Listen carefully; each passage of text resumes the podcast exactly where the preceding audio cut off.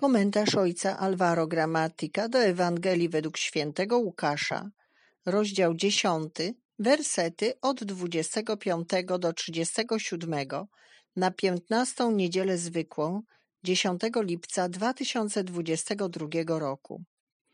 Powstał jakiś uczony w prawie i wystawiając Jezusa na próbę zapytał: Nauczycielu, co mam czynić, aby osiągnąć życie wieczne? Jezus mu odpowiedział: co jest napisane w prawie? Jak czytasz? On rzekł: Będziesz miłował Pana, Boga swego, całym swoim sercem, całą swoją duszą, całą swoją mocą i całym swoim umysłem, a swego bliźniego jak siebie samego.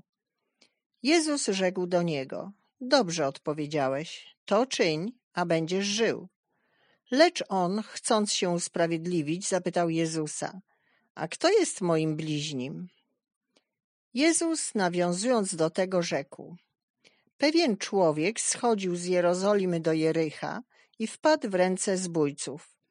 Ci nie tylko go obdarli, lecz jeszcze rany mu zadali i zostawiwszy na pół umarłego, odeszli.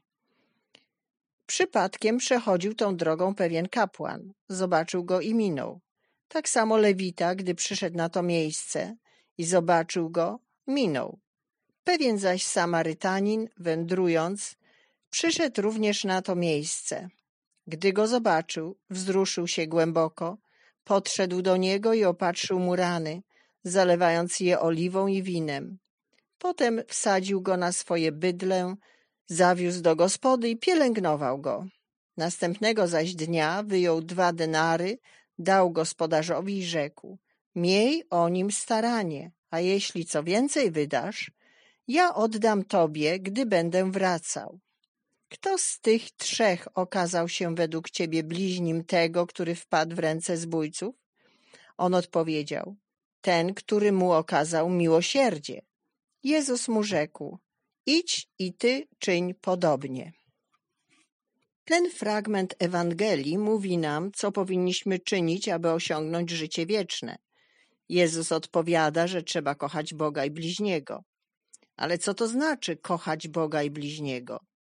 Jezus odpowiada przypowieścią znaną jako przypowieść o miłosiernym Samarytaninie, której główną postacią jest Samarytanin, który w drodze z Jerozolimy do Jericha spotyka człowieka napadniętego przez zbójców, który okradziony i pobity do krwi został porzucony na drodze na pół umarły.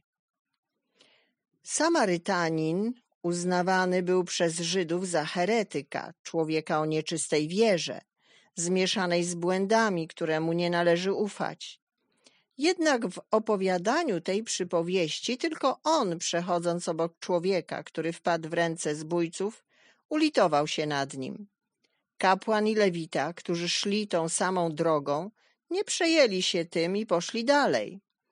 Dla nich był na pół martwy widzieli dobrze, ale krótkowzrocznie. Dla nich, którzy mogli stać się winnymi przekroczenia prawa rytualnej czystości, zakazującego skalanie się krwią, ten człowiek nie miał już szansy na życie, więc nie było sensu się zatrzymywać. Zostawili go własnemu losowi. Ale Bóg tak nie postępuje. Nigdy nie zostawia nikogo na pastwę losu. Inaczej postąpił Samarytanin. Zbliżył się w taki sposób, że widział biedaka nie tylko na wpół martwego, ale na wpół żywego. Zbliżył się tak blisko, że poczuł jego słabnący oddech i jego potrzebę i przekonał się, że jest w nim jeszcze życie, że istnieje coś więcej niż jakiekolwiek prawo. Podszedł tak blisko, że zobaczył, że jest nadzieja, że człowiek ten nie umrze. Podszedł tak blisko, że odczuł współczucie. Widok ran zrodził współczucie, współczucie silniejsze niż prawo. Samarytanin również widział dobrze, ale bez krótkowzroczności. Widział ze współczuciem. Oto pierwsze przesłanie. Prawdziwym sercem prawa jest współczucie, miłosierdzie, które pojawia się, gdy zbliżamy się do ran braci. Współczucie pozwala nam dostrzec, że życie nawet jeśli jest w złym stanie, zawsze ma szansę zmartwychwstać. Kochać oznacza mieć współczucie wobec braci i postępować jak Bóg, który przybliżył się do nas, by ofiarować nam miłosierdzie, ofiarować nam znów życie.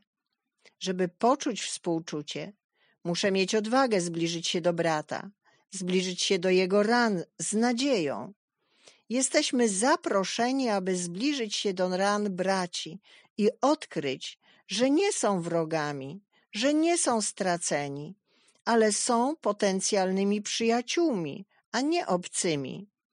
Zbliżmy się do ran, a odkryjemy przyjaźń. I w ten sposób, chociaż jesteśmy niedoskonali i mamy braki w wielu rzeczach, staniemy się zdolni do kochania, zdolni do współczucia, do zmiany naszej drogi i programu życia, stawiając na pierwszym miejscu nie własne sprawy, ale radość i życie tego drugiego. Rany drugiego człowieka mają moc przemieniać nasze serca. Bez naszej pomocy brat umrze. Ten drugi potrzebuje nas, nawet jeśli nie jesteśmy świętymi, doskonałymi. Podobnie bez ran drugiego człowieka nigdy nie będziemy w stanie żyć zgodnie z prawem miłości. Nie będziemy w stanie żyć pełnym i odważnym życiem. Zbliżmy się do brata, a odkryjemy, co to znaczy kochać. Miłość już jest życiem wiecznym.